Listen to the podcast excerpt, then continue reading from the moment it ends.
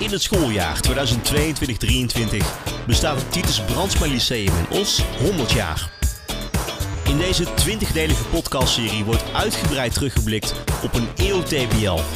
Met mensen die in deze periode deze bijzondere school mede kleur hebben gegeven.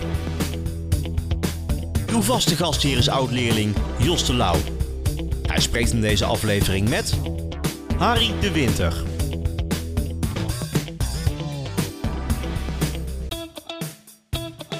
Uh, nou, we zitten aan tafel uh, in Amsterdam bij Harry de Winter. Succesvol uh, programmamaker, producent en media tycoon.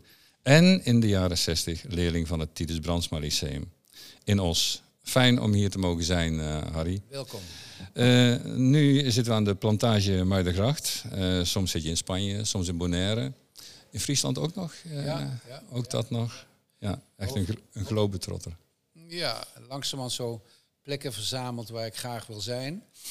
Ik kan natuurlijk ook overal in hotels gaan zitten, maar uh, ik wil altijd een plek hebben waar mijn eigen uh, kunstspullen zijn of mijn eigen gitaar. Of ja, dan kan je niet allemaal meesjouwen naar hotels. Dus ik heb in al die jaren, in die 50 jaar, heb ik een aantal plekken verzameld waar ja. ik uh, veel ben. Mooi. Dan is het leven aan de Vijversingel in Os wel heel ver weg, eh, lijkt me. Heb je daar toch nog enige herinnering aan? Ja, heel.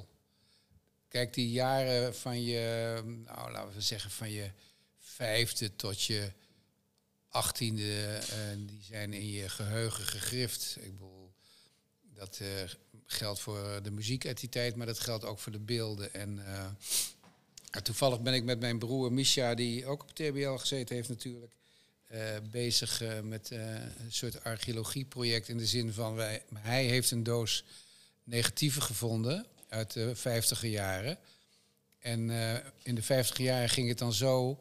Dan liet je je filmrolletje uh, afdruk uh, ontwikkelen bij de fotowinkel. En dan kreeg je een mapje met negatieven. En dan moest je aankruisen welke je afgedrukt wilde hebben. En dat was duur, de afdrukken. Dus je koos tien foto's van de dertig of zo. Maar al die andere negatieven zijn nooit afgedrukt. En hij heeft die negatieven nu teruggevonden. En die stop je tegenwoordig in een scanner en nu worden ze digitaal. Dus ik heb echt de meest prachtige jeugdfoto's uit die periode heb ik nu gedigitaliseerd gekregen. Nou, dan weet je niet wat je ziet. Waarvan je niet wist dat je ze had Nee, eigenlijk. nee, die Ja, foto's hebben we ook nooit gezien. Mhm. Dus ik heb nu, uh, Micha heeft nu, uh, ik denk wel een paar honderd foto's uit de Roodborstraat, uit de Lijsterlaan, uit de Vijversingel. Uh, van het strand in Scheveningen, van de vakanties in Rokanje, van de school, van alles. Ja. En dat, ja, dus ik, ik weet precies, Vijversingel, ja, dat is mijn... Vijversingel, toen was ik denk ik net zes of vijf of zes toen we daar naartoe verhuisden.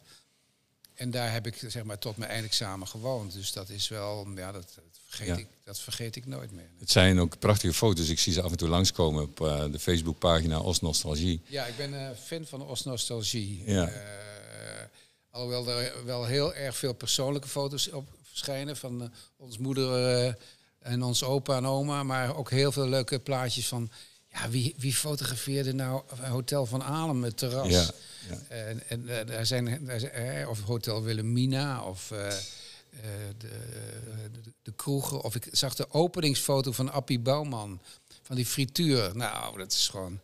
Ja, dat, is, dat, was natuurlijk voor ons de hipste plaats. Ja, natuurlijk. De, de hipste plaats van Os naast Venetia. Gewoon dan s'avonds bij Appie de lekkerste frietjes van Os. Ja. Nou, dat is allemaal nostalgie. Nou, heerlijk. Ah, dat en nostalgie is gezond. En ik las net ergens uh, dat nostalgie heel goed is voor je geluksgevoel. Oké, okay, nou dat helpt dan. Als je tenminste ja. een, een, leuke jeugd ja. hebt. Nou, goed om te horen.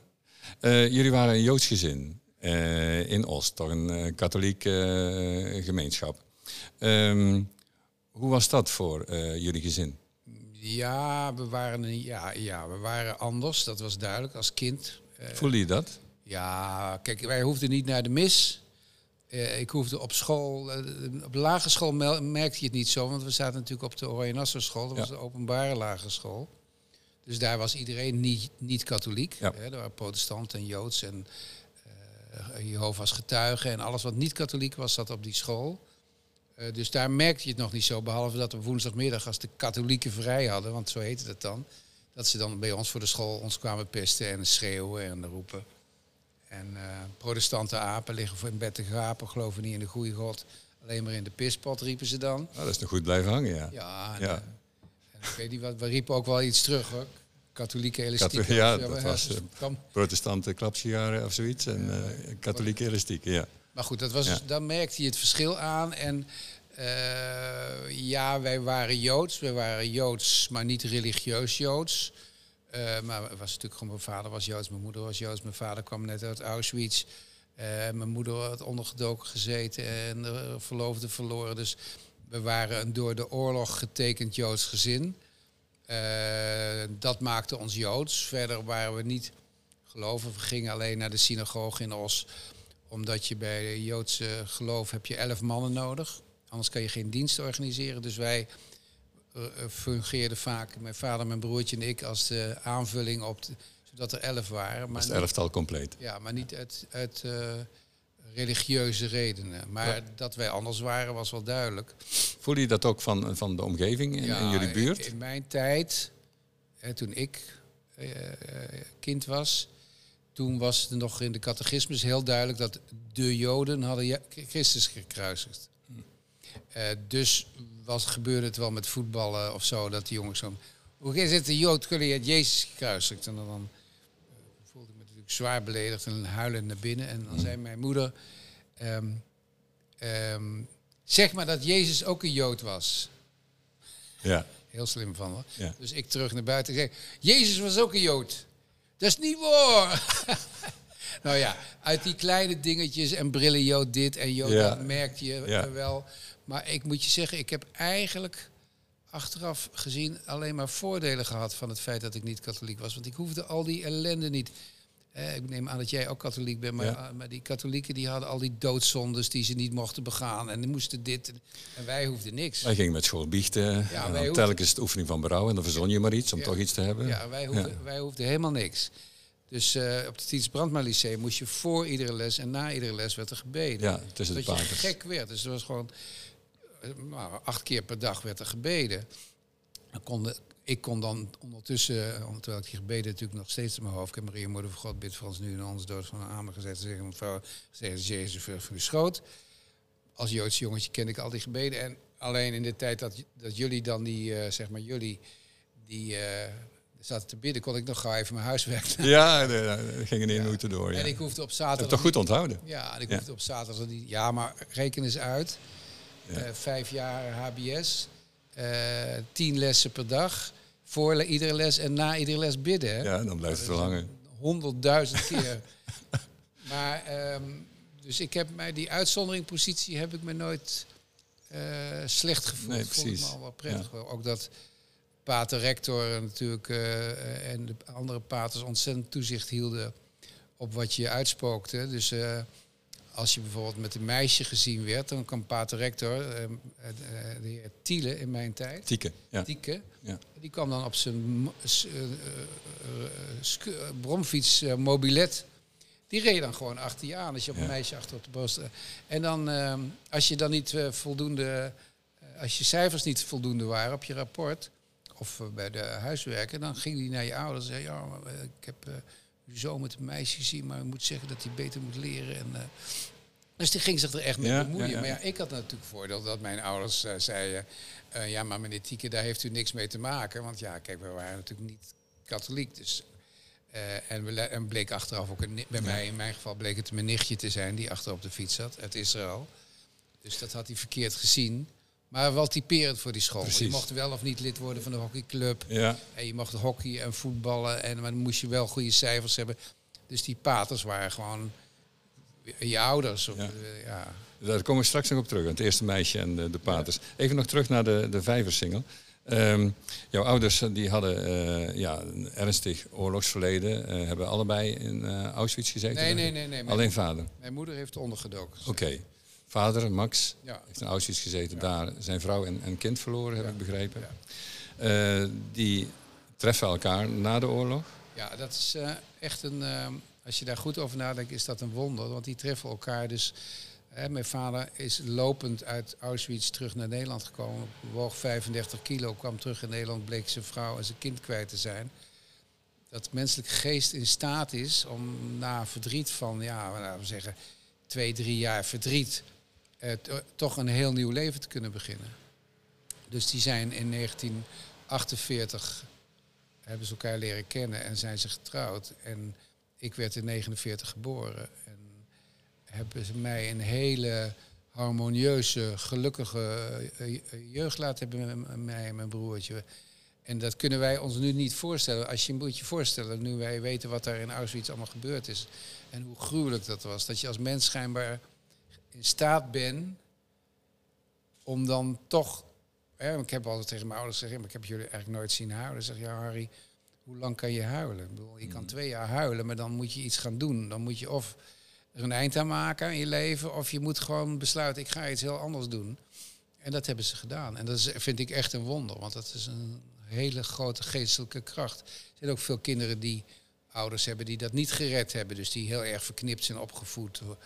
O- Of agressieve ouders, of ouders die altijd eh, alleen maar over het kamp aan het klagen waren. Of, en bij ons is, dat heel, is het hun eh, heel goed gelukt. We hebben echt, ik, ik, al zie ik het nu aan die foto's uit het begin 50 jaren, was een volkomen gelukkig gezin.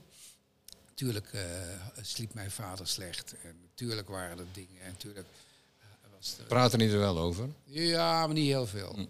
Dat heb ik later wel ingehaald, maar eh, de eerste jaren dat we het wel eens probeerden, nee. Dan, Is dat fijn om daar later nog ingehaald te ja, hebben? ja, natuurlijk. Ik bedoel, eh, Op tijd? ik heb daar, ik heb daar, daar moest je, moet je dan echt organiseren. Maar was mijn moeder er niet bij en mijn broertje er niet bij. Moest echt één op één zijn. Dus ik heb een, toen hij een lintje gekregen had voor zijn eh, bijdrage aan de uitvinding van de pil. Toen heb ik hem een cadeautje gegeven. En dan zijn we met de trein in Zuid-Afrika van eh, Johannesburg naar Kaapstad gereden. En dan zit je vier dagen opgesloten in een trein. En daar had ik hem eindelijk voor me alleen. En toen heb ik heel veel met hem daarover gepraat en ook op video opgenomen. En toen heeft hij ook wel echt wel heel veel van de gruesome details verteld. En ik vond het goed dat ik dat gedaan had, want ja, nu zit je vaak met dingen die je hem nog had willen vragen. Nog vragen nu natuurlijk. Zijn, er- nu is er niemand Maar meer. dat het toen kon, dat wel- zijn wel gouden momenten geweest. Ja, Ja. Nou, toen wilde hij ook Ja. Ehm, heb je iets van je ouders meegenomen ten aanzien van hun veerkracht die zij getoond hebben? Ja, dat kan ik eigenlijk niet over mezelf zeggen, maar ik denk van wel. Ik denk dat ik eh, die wil tot leven en de optimisme en eh, relativeringsvermogen in combinatie met maatschappelijk engagement en ja, dat komt echt wel uit mijn opvoeding, ja. Herken je dat ook bij je, bij je broer? Ja, wij zijn natuurlijk. Het is natuurlijk heel grappig dat uit zo'n gezin van met deze achtergrond twee van de jongetjes tevoorschijn komen met hun ego's. En de, de een wordt tv-producent en de ander wordt professor die, die, die nog meer op televisie is dan ik, Ja. bij wijze van spreken. Ja. Dat is wel heel bijzonder, maar dat heeft wel met onze opvoeding te maken. Ja. Ja. En die het wel gemaakt hebben. Hebben jouw ouders nog meegekregen hoe goed jullie het gemaakt Ja, hebben? ja, ja, ja, Ja. ja, ja, ja. Dat is natuurlijk, ik wilde natuurlijk niet deugen, want ik stopte met mijn studie na zeven jaar. En eh, ik werd discjockey en ik ging bij de, bij de NCV plaatjes draaien. En wat was ik in godsnaam aan het doen? Zorg dat je iets gaat doen waar je je brood mee kan verdienen. Tuurlijk, tuurlijk, tuurlijk. En toen dat eh, een succes werd en dat IDTV werd en groter werd en Misha werd professor. En dat hebben ze gelukkig allemaal meegemaakt. Nou, mooi. Ja. mooi. Eh, dan de stap naar het Titus Brandsma Lyceum. Ehm, beschrijf het jongetje Harry de Winter is 12 jaar, 11, 12 jaar. En hij stapt het uh, Titus Brandsma Lyceum binnen. Ja, dat was nogal een confrontatie. Want, ehm, eh, puur op mijn herinneringen, maar ook wel de fotootjes. Ehm, ik was op de lagere school, zeg maar, de leader of the pack. Het jongetje die de grootste mond of die stoerste was en die de keeper van het schoolelftal en eh, ehm, andere jongetjes en pester was ik ook, heb ik achteraf eh, dat gereconstrueerd. Ehm, dus dat was niet zo mooi. Eh, maar ja, kinderen zijn keihard tegen elkaar. En, eh, jij was dat ook soms. ja, nee, ik was echt van wel twee, drie jongens die daar de dienst uit maakten. En in mijn, in mijn klas was, hoorde ik daarbij. Ja, dus ik grote stoere jongen. Maar toen kwam dat stoere jongetje van 12 jaar op de TBL. En toen was ik natuurlijk een brug, brugsmurf geworden. Dat heette toen niet zo, maar ook toen was ik al de jongste natuurlijk. Hè? Ja.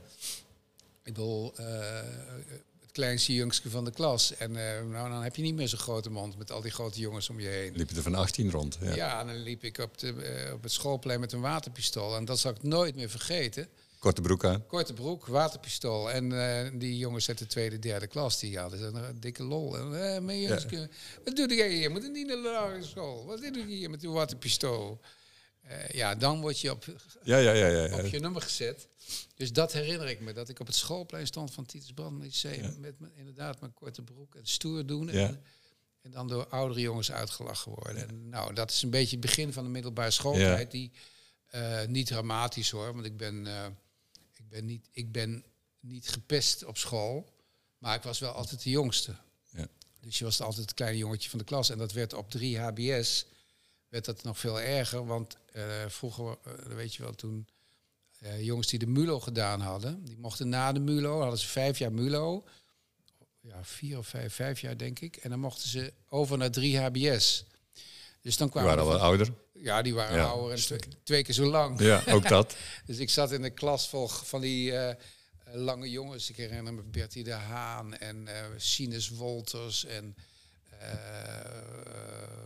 Sch- jonge Philipsen uit, uit Uien. En dan van echt grote gozers met, die ook al op een poeg reden. En, eh, En Harry de Winter als manneke. en, en, en, en, en meisjes hadden, eh, vriendinnen. En wij, ja, die waren natuurlijk twee jaar ouder. Of Ja. bijna drie jaar. En op die leeftijd scheelt het heel veel. Ja. Dus ik, ik was echt eh manneke in de klas. Dus ik denk, en toevallig daar denk ik nu aan, maar ik zit nu Maarten van, Roosendaal, eh, van Rossum te lezen. Voor eh, voorbereiding voor mijn eh, wintertijd. En die werd heel erg gepest op de, lage, op de middelbare school. Eh, op de lagere school, maar in het begin van de middelbare school ook. En dat ging pas over op de middelbare school toen hij eh, op het gymnasium waar toen hij erachter kwam dat verbaal zijn ook een kracht is. En dat je met verbaal eigenlijk veel eerder kan winnen dan Mhm. met vechten. Ehm, ik denk dat ik ook wel geworden ben die ik geworden ben, omdat ik mij natuurlijk in de omgeving, een redelijk essentiële leeftijd, 14, 15, 16, 17, ehm, als de kleinste jongste moest ik het van iets anders hebben. Hè? Dus van mijn tekst en van mijn eh, eh, eh, ego in die zin. Ik, ik, had het, niet- ik kon het niet van mijn, van mijn lengte en van mijn vechtkracht eh, hebben. Dus ja, ik denk dat ik, dat, dat, eh, dat dus wel goed geweest is. Heb je nog de eerste herinnering aan, aan docenten of eh, paterdocenten die nog Ja. indruk hebben gemaakt bij je? Ja, ja, ja, moet ik even denken. Want er was nog de tijd van de pater, pater Ja. Galema, pater Voost. nou, Pater Galema, die- herinner ik wel, die was jong. Ja. Eh, die zat ook een beetje achter de meisjes aan uiteindelijk. Eh, ik had een scheikende leraar, hoe heette die nou? Deze kom ik wel achter. We hadden natuurlijk Maar- Pater, Tieke, Pater Galema, Ja. eh, Scholte, ook een jongen die ook achter de meiden aan zat. En die later ook uitgetreden is. En Ja, ja, gewoon, eh, was ik beter voor hem dan. ja, Ja. Ik moet even, nee, daar Ja, kom ik komen later we nog wel op, ik De, de scheikunde leraar. Want het was echt een pater met sandalen en eh, een beetje eh, eh, sigaren roken en de hele dag hoesten voor de klas. En, eh, Mhm. Ja, over het, achteraan de, achter de meiden aan zitten. eh, voor jou was het misschien ook een openbaring. eh, een meisje in de klas? Nee, hadden we niet. Het begon nog, eh, nee, kijk, was juist heel, voor mij niet, want ik kwam van de openbare lagere school, dus wij hadden gewoon meiden in de klas. Aha, ja, dat was al bijzonder in ja, die tijd. Ja, Ja. ja. dat is gewoon Verder waren, waren het was alleen maar jongensscholen Nee, en meisjesscholen. Wij hadden gemengde school, Ja. dus we hadden al meisjes. Maar ja, toen waren we nog niet aan meisjes toe hè, op de Mhm. lagere school. En in, bij de middelbare school, volgens mij pas in de vierde klas, HBS, kwam ehm, Helma Vervoort. Ik herinner me de naam, want ik heb nog gedicht over Vervoort geschreven. Ja, dat is toevallig, want Helma is meegekomen. Ja, Dat was dit verhaal. Misschien herinner je het nog wel. Je kunt het nog, voor, kun je ja, voorlezen als ja, je wilt. Ja, ja, ja. Toiletgedichtje. Dat betekent toch, dat is, eh, is alleen maar omdat het minder, eh, minder, eh, minder ambitieus als het gedicht is. Oké. Het eerste meisje in mijn klas, ik geloof dat het Helma Vervoort was. 60 mannenogen gericht op één paar benen. Lippenstift, borsten en de paters leken verdwenen. De vijftiger jaren waren godzijdank eindelijk voorbij. Beatles lange haar en de pil. Wij waren vrij.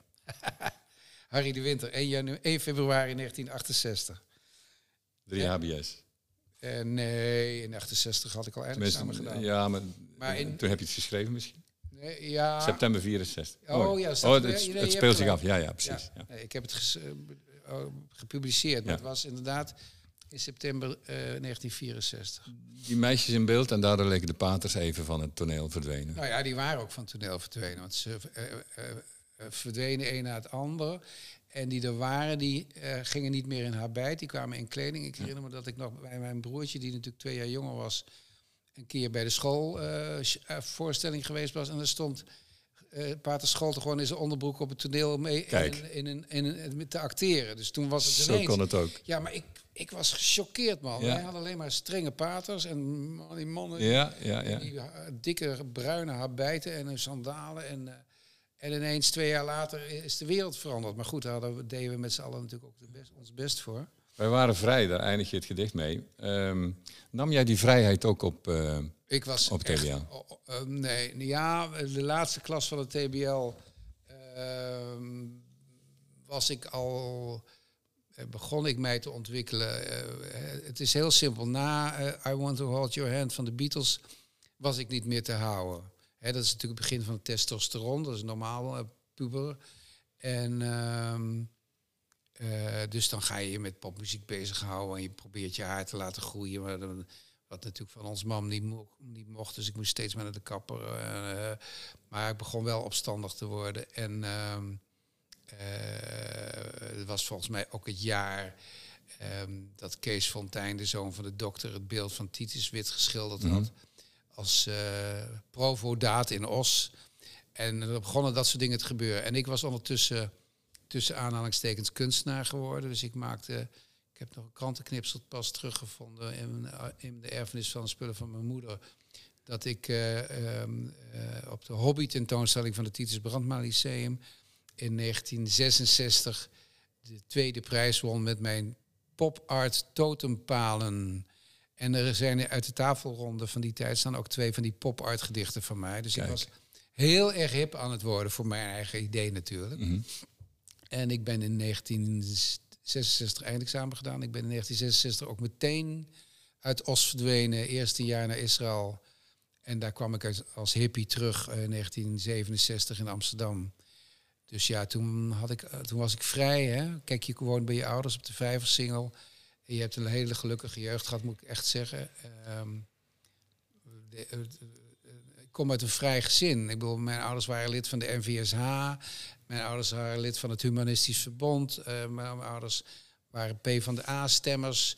Dus ik kwam gewoon uit een, ja, hoe noem je dat tegenwoordig, een liberaal intellectueel gezin. Ja, mag je zo noemen. Ja, ja. Mijn vader, niet dat ik intellectueel ben, maar mijn vader was zeker intellectueel.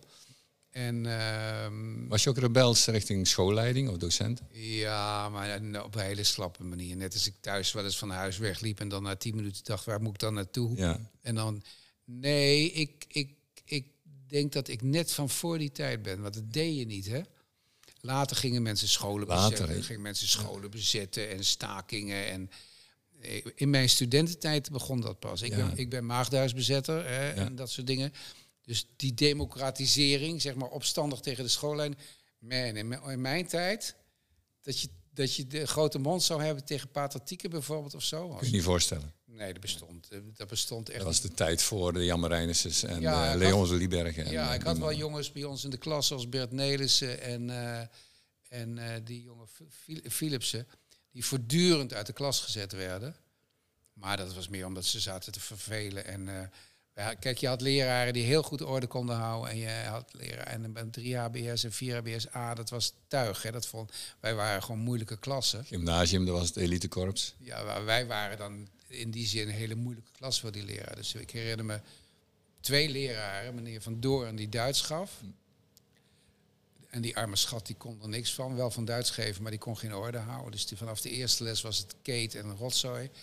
En dan had je deals. En Frans.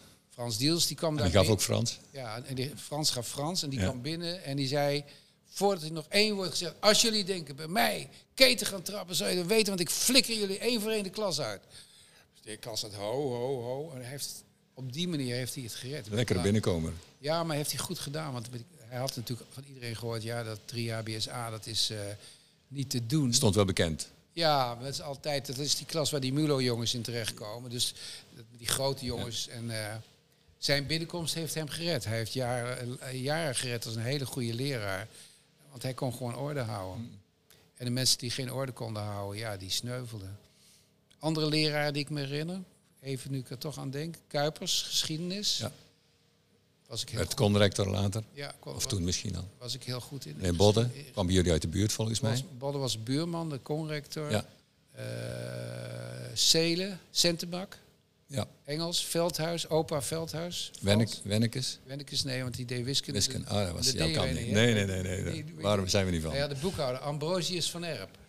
Ambrosius van Erp gaf les in het Brabants.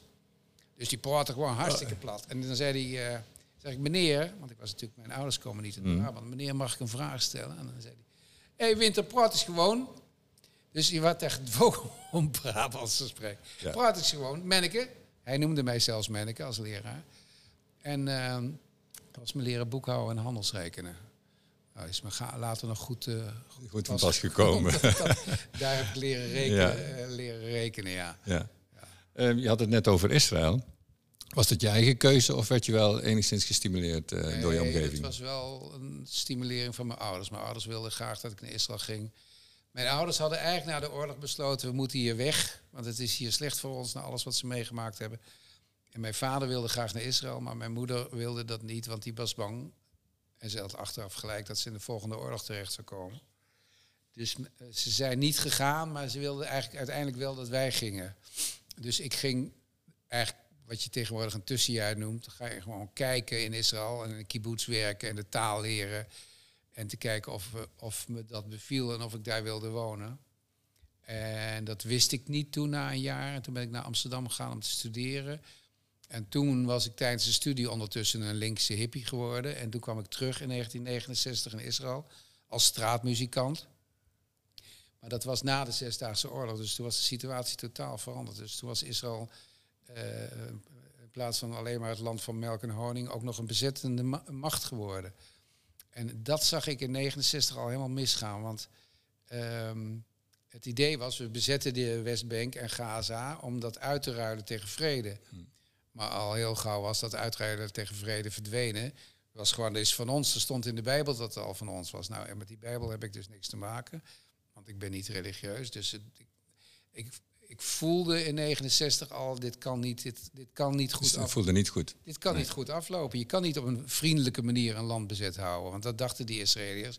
Ja, wij zijn geen... Maar het- je ziet nu hoe ongelooflijk het na 50 jaar uit de hand gelopen is. En wat voor een apartheidsstaat het geworden is. Het is gewoon niet goed afgelopen. Met, eh, Daar maak je je nog steeds hard voor, hè? ja, dat is, dus, kijk, ten eerste woont er een deel van mijn familie daar. Ten tweede ben ik ermee opgevoed. Ten tweede, derde weet ik er heel veel van. Ten vierde lees ik iedere dag de Engelstalige Haaretz. Dus, dus de, zeg maar de NRC van Israël. En ik ben op de hoogte. Maar ja, ik maak me er druk over. Niet dat het eh, tot iets geleid heeft. Dus het is wel frustrerend. Toen ging je eh, vanuit Israël niet terug naar Os, maar Amsterdam. Ja, wat moeten mensen in Os? Ja. Nou ja, dat klinkt lullig, maar het, het probleem van Os is natuurlijk dat Os geen vervolgopleidingen heeft. Dus als je nog iets verder wilt doen, dan moet je wel weg uit Ja. Os. Vond ik niet zo erg ook. Want Os is natuurlijk een klein dorpje, stadje. En we hebben wel stadsrechten sinds 1356, geloof ik, van Jacoba van Beieren. Heel goed. Maar ik wilde gewoon natuurlijk naar Amsterdam. Ja. Kijk, mijn ouders, Het leven. mijn ouders hadden in Os als een van de twee gezinnen een abonnement op het Parool. Dus ik wist al van jongs af aan ehm, wat er gebeurde in Amsterdam. Dus daar wilde ik wil je hier natuurlijk als jongen naartoe. Ja. Dus, ja, ik ben, ben in 1967 in Amsterdam eh, gaan wonen. Dus ik woon hier al, eh, ik kan niet goed hoofdrekenen, 67 min 2021. Dat is Een jaar of Eh, eh, vijf- 54. ja, eh, 54, zo, 55. Ja, precies. Ja, ja. ja. En daar kwam je meteen ehm, in de studentenprotesten terecht. Of al Ja. vrij snel. Ja, dat was die periode natuurlijk. Eh, eh, niet meteen hoor, want ik kwam in 67, september 67 aan. En ja, Johnson moordenaar, Vietnam. ben ik nog voor aangehouden. Hm. Die, je mocht wel Johnson Molenaar zeggen, maar niet eh, Moornaar, want dat is een belediging van een bevriend staatshoofd.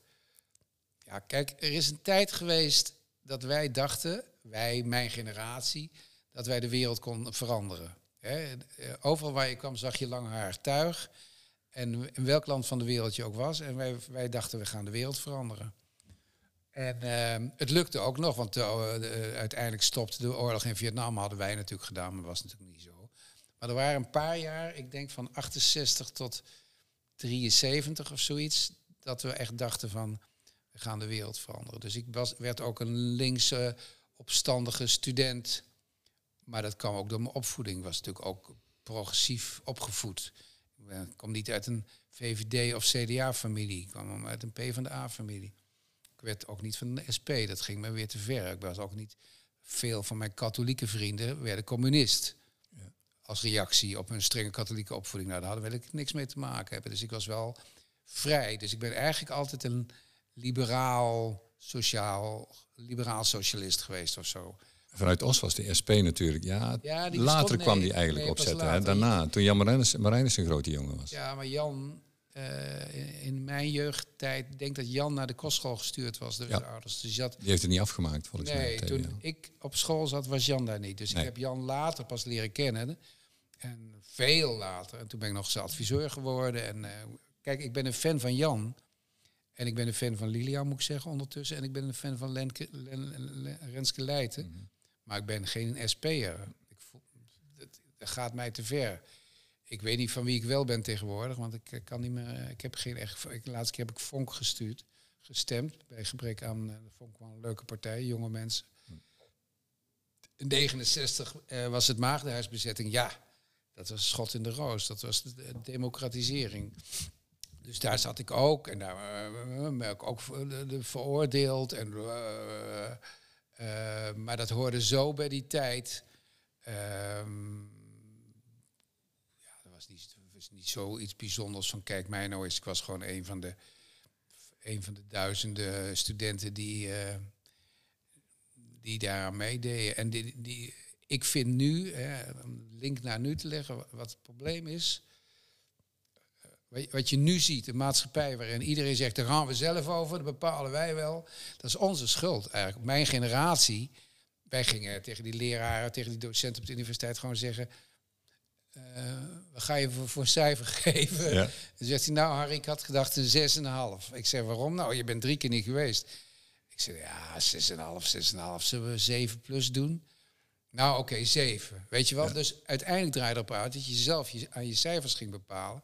Dat is natuurlijk doorgeslagen democratisering.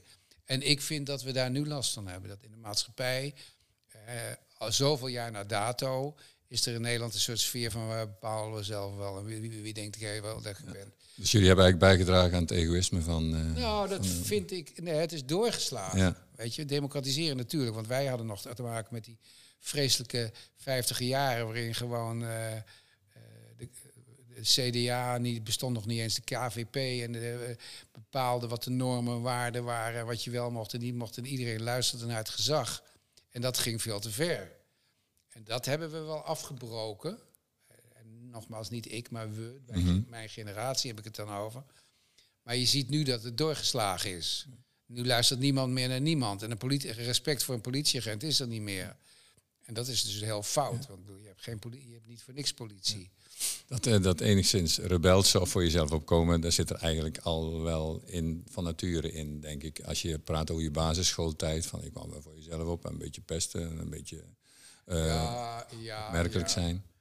Ja, ik, ik ben nooit naar de psychiater geweest of psycholoog. Maar ik denk wel dat wij heel zelfstandig zijn opgevoed. En, eh, en, en maatschappijkritisch. En niet zomaar ja zeggen. Kijk, dat hebben mijn ouders in de oorlog natuurlijk geleerd. Hè? Ik bedoel, er is een grote controverse natuurlijk in, in hoeverre de Joden eh, eh, zich te veel hebben laten leiden door hun eigen leiders. Hè, de- het beroemde verhaal van de Joodse Raad. Mhm, mhm. Ja, ja, dus dat is één ding wat me, een van de dingen waar ik meegekregen heb van mijn ouders van dat je niet blind achter het gezag aan Nee. moet lopen, dat je ook zelf moet nadenken. En ik denk dat Misha en ik zo opgevoed Ja. zijn en daardoor nogal uitgesproken zijn van mening. Dat is wel mooi, toch? Ja, en, en verbaal geschoold. Hè? Mhm. Dus Dus hoe dat komt, weet ik niet, maar dat ging dan vanzelf. Maar, En ten aanzien van dat eh, voor jezelf opkomen. En als je hier door de wijk loopt, dan word je daar dagelijks mee geconfronteerd. Natuurlijk als je langs de Hollandse Schouwburg eh wandelt. ja, dus ik woon, Het ik woon, Verzetsmuseum. ik woon eigenlijk per, per ongeluk in de Joodse buurt, want Ja. dat realiseer ik me helemaal niet. Maar dat is, ja, dus, hier, hier zijn alle, alle Ja, beelden. komt alles bij elkaar. Ja, Ja. Alhoewel hier aan de overkant is het Luthers Museum. En eh, Luther was een, een behoorlijke antisemiet. ja. Over jezelf boos maken, en dat doe je nog steeds. Eh, Ja. Als ik lees over berichtjes eh, ten aanzien van, van Wilders of het, eh, het andere Joodse geluid. Zeg maar, ehm, dan jeukt het nog snel bij je. Als je Nou, ik, ik ben natuurlijk een, een twitteraar. En ehm, ik gebruik Twitter alleen eigenlijk gewoon vooral voor als ik de krant lees en ik wint me ergens over op. Dan stuur ik er een tweetje over. En ik heb ik ben maar een heel klein twitteraartje. Ik heb iets van weet, 3.500 volgers. En dan wordt het wel eens geretweet en nog een keer retweet. Dus soms bereik ik tussen de drie en soms 100.000 mensen. Ja, dat is, zit in mij. Ik kan, mij niet, ik kan niet de krant lezen zonder me op te... Nu, nu, nu nog steeds één keer per week denk ik aan die Siewert Verlinde. Wanneer komt dat geld nou eens Ja. terug? Hè? Want dan hoor je dan weer niks meer over. Ja, zit jij achter de account van, eh, heeft Sievert eh, zijn schuld al Nee, betaald? daar, Nou, zit ik, daar zit ik niet achter, maar die retweet ik wel. ja, weer. Ja, dagelijks komt dat berichtje terug. Ja, dat doe ik ook. Ja, ja, heel goed, Eh, heel Net goed. zolang tot hij het doet. Ja, ja heel goed. Ja. Ehm, de muziek is natuurlijk super belangrijk voor eh, jou geweest. Eh, wanneer ontstond die passie? Eh, nou, wat ik straks zei, in de, eh, in de kleedkamer, nee, in de kantine van de voetbalclub club OSS. Ja, paviljoen. Ja, want wij hadden bij, ik hockeyde, ik hockey natuurlijk, de middelbare school hockeyt en de arbeidersvoetballers. zo Ja, ja, ja, ja. Maar wij hadden natuurlijk geen jukebox bij Keep Fit. Dus we gingen naar OSS, wat gewoon 50 meter verderop was. En dan draaiden ze in die jukebox eh, Elvis en Cliff Richard, maar ook de Beatles. En sinds eh, I Want to Hold Your Hand eh, is, het leven, is muziek echt in mijn leven binnengekomen. En dat is nooit meer opgehouden. En ik, maar ik was, eh, ik was niet zo'n fanatiek hoor. Dat, dat lijkt misschien zo. Eh, kijk, collegaatjes, discjockeys, eh, als je daarmee praat, ja, die hadden vanaf een, die waren vanaf een vijftiende eh, platen verzamelen en draaien en Ja. kopen. Nee, ik, ik was eigenlijk pas toen ik in Amsterdam per ongeluk een keer gevraagd werd of ik de discjockey kon vervangen bij de studentenvereniging. Toen ging ik platen draaien voor een zaal en toen ben ik binnen, werd ik binnen twee jaar eigenlijk ontdekt door de radio. En dan, ja, en dan begint het gedoe, want dan krijg je je platen gratis. Dus toen had ik, ik had misschien 15 LP's, maar toen had ik ineens eh, 100. En Dan toen- kon je aan het pluggen. Ja. ja, en toen 200 platen, en toen 1000 platen. En eh, ja, en ik hou ervan om platen te draaien voor een zaal, want dat is natuurlijk niks leukers dan dat. Paradiso, nog niet zo heel lang geleden geloof ik. Ja, ik doe dat. Ja, nee, met 40 Up staan we Ja, overal. Dus, ja, geweldig. ja. Ja. dus dat is geweldig om te doen. Ja. Maar ik ben ook gewoon... Ja, ik speelde altijd wel gitaar, maar niet goed genoeg. Dus ik, ik, ik zeg ook altijd, discjockeys zijn gefrustreerde muzikanten. Dus ik zou het liefst muzikant worden, maar ik had geen geduld voor de muziekschool. Dus ik had van een vriendje Karel Martin eh, zes akkoorden geleerd. En dat zijn dezelfde zes akkoorden die ik nog steeds kan. Ja, nou ja, ik, ben, no- ik ben nooit verder gekomen. Ja. Maar muziek heeft wel mijn leven gevormd. Maar Ja. dat is heel erg indirect gegaan. Ja. Je plaatjes, kocht je, de, kocht je die in Os al? Of? Arons. Arons. Die zaten toen al, eh, oh, die hebben eerst in de Ridderstraat Nee, gezeten die zaten in de ik. Ridderstraat. Ridderstraat ik door de hoek, weet ja. nog, ik heb dat pas nog verteld aan Jeroen Pauw. Ehm, ik ging dan naar Arons en bestelde Rubber Soul. Had gelezen. Jouw dat eerste Soul- LP. Ja, dat was, dat was mijn eerste LP. En zei ze, nou, dat was de levertijd was 14 dagen. Pff. Dus ik herinner me dat ik in die te- 14 dagen wel vijf keer bij Arons kwam. Is die plaat al? Nee, Harry, je hebt toch gezegd 14 dagen? Ja. Maar hoe lang dat dat over deed. Ja. Dus dat was een, was een levensgebeurtenis, de LP, de Rubber Soul. Dat zal ik ook nooit vergeten. Daar in de hal hangt ook de coverfoto van die eh Ja, originele, zag ik. Ja, de, met die de originele foto van die hoes. Ja, Dus dat is, geweldig ja. man. Ja. Heb ik ooit Ja. in San Francisco gekocht. Ging je ook de top 40 halen? Wat kon dat toen al? Nee, ik was, nee, ik was meer. Ik was eigenlijk altijd al een, een eh, hippie. Dus Ja. ik hield mij niet zozeer met de, met de plaat waar ik van hield als de Pretty Things en de Rolling Ja, Stones. In die tijd stonden die nog niet in de top 40. Nee, precies. Wij gingen bij in een tussenuurtje of in de pauze bij Arons. Ja, toen ze verhuisd zaten, waren. Toen zaten ze al tegenover de school. Precies, de top 40 elke donderdagochtend halen. En Ja. dan waren we, waren we weer bij. En daarna naar Appie Bouwman. Ja. Dat was onze route zo'n beetje. Ja. Ehm, ja, jij praat er heel veel over met allerlei gasten. Maar dat de muziek uit je jeugd je zo bijblijft. Nou, de Beatles zijn, hebben natuurlijk een apart plekje voor jou. Nog andere? Oh ja, dat is eindeloos. Ehm, wat niet. Waar je blij van wordt? Ja, maar zelfs echt mijn jeugd. Hè, het bon, in Os, want daar hebben we het nu over. Ja. Het Bondsgebouw. Ja. Ja. ik weet niet, jij bent de jonger dan ja, ik. ik heb er nog net een Sinterklaasviering Ja, ja, meegemaakt. nou, Toen ging het afbreken. Wij gingen dan naar het Bondsgebouw en dan was dan eh, een, een keur van Nederlandse artiesten. Dus de Blue Diamonds en Oh, ja. Ria Valk en, en eh, Anneke Greunlo. En, eh, maar vooral de Blue Diamonds. Hè, dat was de eerste. Ja, joh. Eigenlijk is dat het eerste rock and roll live die ik gezien heb. Dat was natuurlijk achteraf gezien heel brave Indo-rock, maar het was prachtig. En ik was helemaal kapot van natuurlijk. Ja, het was al versterkte muziek, maar hele kleine versterkertjes. Oh. Maar het, dus dat Bondsgebouw, dat eerste beeld van live popmuziek. En of het nou Ria Valk was, of dat maakt me niet uit. Geweldig. En Duitse muziek misschien, Connie Frobus. Ja, bij mij thuis, nee, Ja. in Brabant was het natuurlijk Duits muziek Ja, heel ja. Alleen dat eh Connie Froboes en Rex Gildo en Fabian. En, eh, maar die kreeg ik niet, die platen. Want Die vroeg ik dan wel. Maar er waren Duitse platen. En Ja, zo kort na de zat oorlog... nee, dat zat, lag zo nog kort gevoelig. na de Ja. oorlog eh, kreeg ik... Dus ik kreeg... mijn eerste singeltje was dan ook Jan en Kjeld. Jan en Kjeld. Die zongen wel in het Duits, maar die waren, die waren Deens. Wij hadden zo'n pick-upje met ja, zo'n soort briefbus Ja. waar je hem instak en die, die uitvloepte. Wel, oh, mag ik daar even kijken? Staat hier beneden. Geweldig. Jan en Kjeld, wat zongen? ik heb het laatst nog opgezocht. Little Banjo Boy. Little Banjo Boy en The Blue Diamonds, Little Ship Ramona. Ja. Dat was de zondagochtend eh, sfeer bij ons thuis, ja. Ja. Geweldig die tijd, ja. Jan en Kjeld, eh, Helen Shapiro. Ja. Geweldig, ja. Ricky Nelson. Ik ko- kocht op TBL van Freddy Hogendoorn. Ik weet niet of die naam jou iets zegt. Fred. Dit single. Ja, Fred Marshmallow. Hogen, Marshmallow. Dit was mijn eerste singeltje. Ja, ja, Fred van Doorn had Fred Hogendoorn. Fred Hogendoorn had toen al verkering met Gerda de Kuijer. Die woonde naast mij. Ja, Fred had wel had is regelmatig verkering. Nee, maar hij is getrouwd met Gerda. Hoe- is- ja, eh, Woonde volgens mij in Hees. hij zat bij mij in de derde klas. Ja, hij had verkering met mijn buurmeisje. Oké, ja. En daar ken ik mis, maar Marshmallow van. Bert Volgens Barten. mij hebben we dat wel eens opgenomen voor eh Rock Temple. Ja, ja, oké. Met Bart, Bar- Bart, Bert Barten Bert Barten. en Huub Eurlings. Ja, Bert, Barten woont in Amsterdam. Ja, die is nog steeds wel eh, Ja. creatief bezig. Ja. Ik geloof eh, dat ik van de week iets zag met de muziek die boomschorsen kunnen produceren, geloof ik. Ik zal even een fotootje maken. Ja. En daarna kwam voor mij de eerste LP van Simon Garfunkel. En dat blijft dan toch, wat jij in jouw programma's ook aangeeft, eh, die eerste muziek, muziek voor je leven eigenlijk. Hè? Ja, die gaat nooit meer weg. Dat gaat dan nooit meer weg. Nee.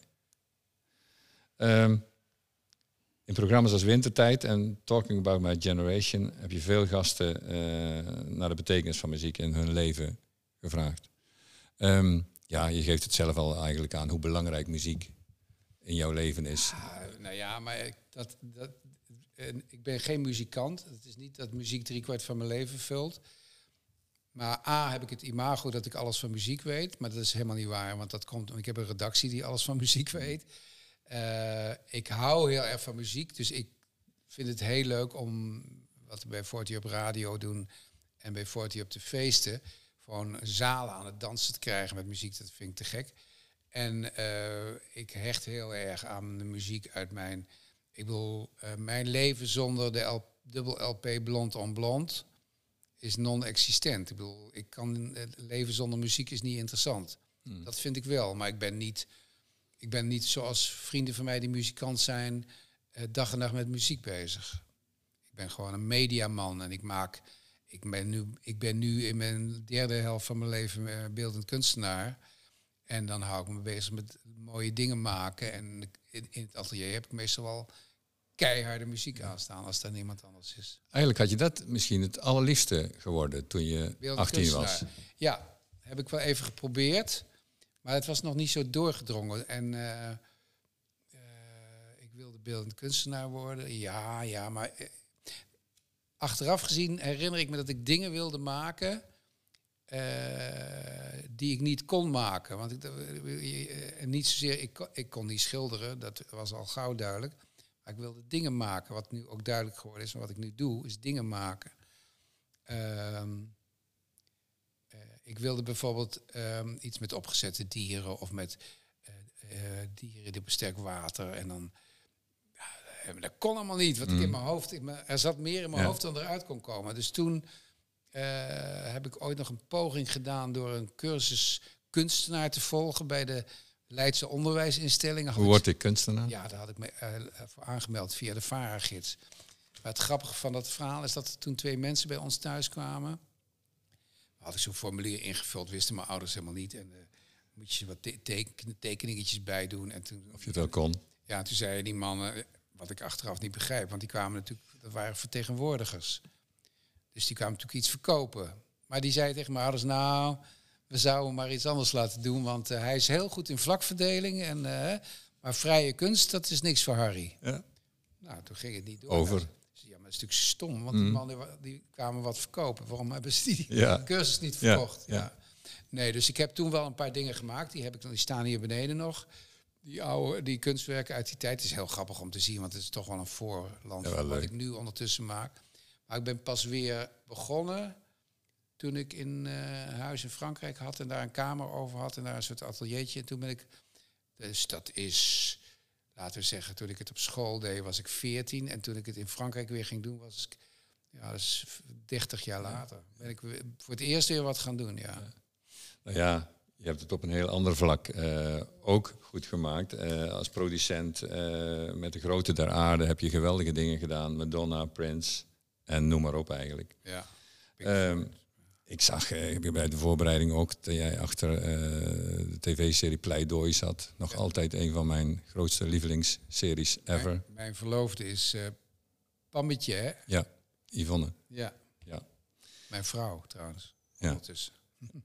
Ehm, is daar ook nog ergens een basis gelegd voor wat je in die wereld hebt gedaan eh, in je verleden op het TBL? Nee, want het is natuurlijk wonder. Kijk, één ding is zeker, als ik in Ossos blijven wonen, was dit niet gebeurd. mm, Ehm, toen ik eenmaal in bij de radio terecht kwam, ja, dan leer je mensen kennen en dan via, via en dan doe je even dit en mag je, wil jij even dat doen. En toen eh, bestond de NCRV 50 jaar en toen lieten ze mij samen met wat mensen, maar ik deed de muziek, eh, vier festivals organiseren. Nou, had ik nog nooit gedaan, wist ik veel, maar ik ging gewoon doen. En dat betekende popgroepen inhuren. Dus wij deden allemaal grote namen. En eh, deden we vier festivals in vier steden in Nederland voor, eh, ra- voor de NCW Radio live op zaterdagmiddag. En er kwamen 50.000 jongeren op af. Dus die NCV wist niet wat ze overkwam. Want dat was toen nog een hele tuttige christelijke omroep. En ik was een soort Jan Rietman avant la lettre. Dus ik trok NCV voor de NCV allerlei jongeren aan doordat ik die festivals gehoord. Dus ik was even heel erg populair bij de NCV. Dus toen kreeg ik mijn eigen televisieprogramma. Huh? Ja, ik, mocht het gaan maken, maar eh, ja, toen zochten we een presentator en toen konden ze bij de NCV niemand vinden. Ja, zij wilde Eddie Becker, maar die wilde ik natuurlijk niet, want die had echt, dat was net, net zo min rock'n'roll als mijn linkerteen. Ja. Dus toen zei ze, nou, dan moet je het zelf maar doen. Dus toen ging ik het ook nog presenteren. En toen heb ik heel veel gereisd en mensen geïnterviewd overal. De, Bee Gees in L.A. en Earth, Wind and Fire in Houston.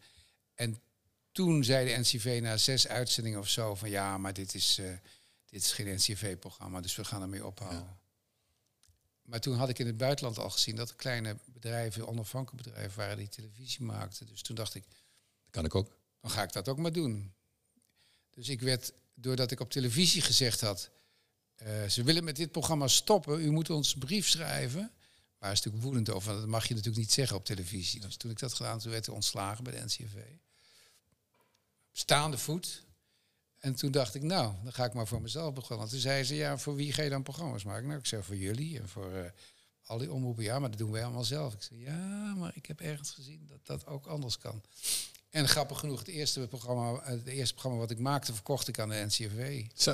Dat ja. was de Haagse Beatnacht. Als je maar iets hebt wat zij niet hebben, dan, dan nemen ze het wel. Nou goed, daar is IDTV groot mee geworden. En later kwamen ook al die andere producenten. Maar ik was, in retrospectief was ik de eerste die voor zichzelf begon. Want eh, John de Mol werkte nog bij de Tros. René Stokvis werkte bij de Tros. eh Han Pekel werkte bij de KRO. Joop van der Ende had zijn feestwinkel in Bad Hoeverdorp. Dus iedereen moest nog beginnen. En ik was, omdat ik ontslagen werd, was ik eigenlijk achteraf de eerste die dan maar een, zelf een bedrijfje En jij had eigenlijk een eigen tak die Joop van den Ende niet had, John de Mol niet had. Nee, ik was van een, eh, ik begon als maken van jongerenprogramma's, zeg maar. En eh, daar kwam meteen de popmuziek bij kijken. Ja. Dat die eh, gewone Osse Harry de Winter dan richting Amsterdam en de wereld het dan zo mooi gemaakt heeft. Eh, Ja, maar het is alleen maar plezier. Hè? Het Ja. is echt, in die tijd kon dat ook nog. Hè? We deden niks. Ik had geen bank die iets moest financieren. Ja, ik had gewoon, ik, ik, ik kan goed praten en ik kan goed. eh, eh, ik, ik, ik, ik was ingewerkt in de popmuziek en ik verkocht. eh, ik was de eerste die, nee, niet, ja, ik was de eerste die Pinkpop filmde en dat aan de KRO verkocht. En toen gingen we ook Torhout Werchter doen en toen werden we ontdekt door de internationale televisie. Ja. Want daar speelden al die grote popgroepen en toen gingen we Lionel Richie doen in Rotterdam. En toen bleek de manager van Lionel Richie dezelfde te zijn als die van Madonna. Ja, zo gaat dat Ja. dan. Ja, en eh, Dat is initiatief, ook een klein beetje geluk hier en daar? Of nee, heel veel geluk Ja. natuurlijk. De, de right, samenloop van? nou ja, A, A, eh, eh, toch ook goed zijn in je vak. Ja. hè. En ik zeg, mijn vak is vooral het bij elkaar brengen van goede mensen. Ja. En ehm, dus ik had een hele goede regisseur, Egbert van Hees. En dus de combinatie van een goede producent met een goede regisseur, dan maak je grote kans bij die popgroepen. En als je dan eh, eerst Lionel Richie doet, nou eerst Pink Pop en Torhard Werchter en dan Lionel Richie en dan Madonna. Ja, dan komt eh, Pink Floyd vanzelf en U2 kwam er eh, hard achteraan en Prince en het hield niet meer op. En het hield overigens wel op hoor, want dat zijn van die incidenten, daar kan je niet Mhm. van leven. En toen gingen we Lingo doen. En toen werden we. En dat was natuurlijk wel iedere dag op een gegeven moment. En da- daarna kreeg je pleidooi, oud geld. En, en ja, toen werd de IDTV. Maar als, Ja. we zijn echt spelenderwijs groot geworden. Maar ook op het juiste moment dingen aanpakken die langskomen. Of Ja, maar het is gewoon een. een- maar dat, waar, ik dat van- waar ik dat vandaan heb, weet ik niet. Want ik, ik kom toch niet uit een zakelijk milieu. Ik bedoel, mijn- vader was chemicus en mijn broertje is eh, pedagoog. En mijn Ja. moeder, vader was eh, accountant. En eh, Ja, heel divers. Ja, maar, jij niet, hebt een hele andere tak van sport eh, maar beoefend. maar niet zakelijk. Nee, nee, nee. En, dus, en het leuke van mijn vak is dat het, ik, wel waar ben ik een zakenman, maar het, eh, ik verkocht creativiteit. Ja. Dus ik had een prachtig vak, want ik was eigenlijk altijd, eh, zaten we dingen te bedenken uit het niks. Ja. Gewoon, je hebt niks en moet een programma bedenken, dat is leuk.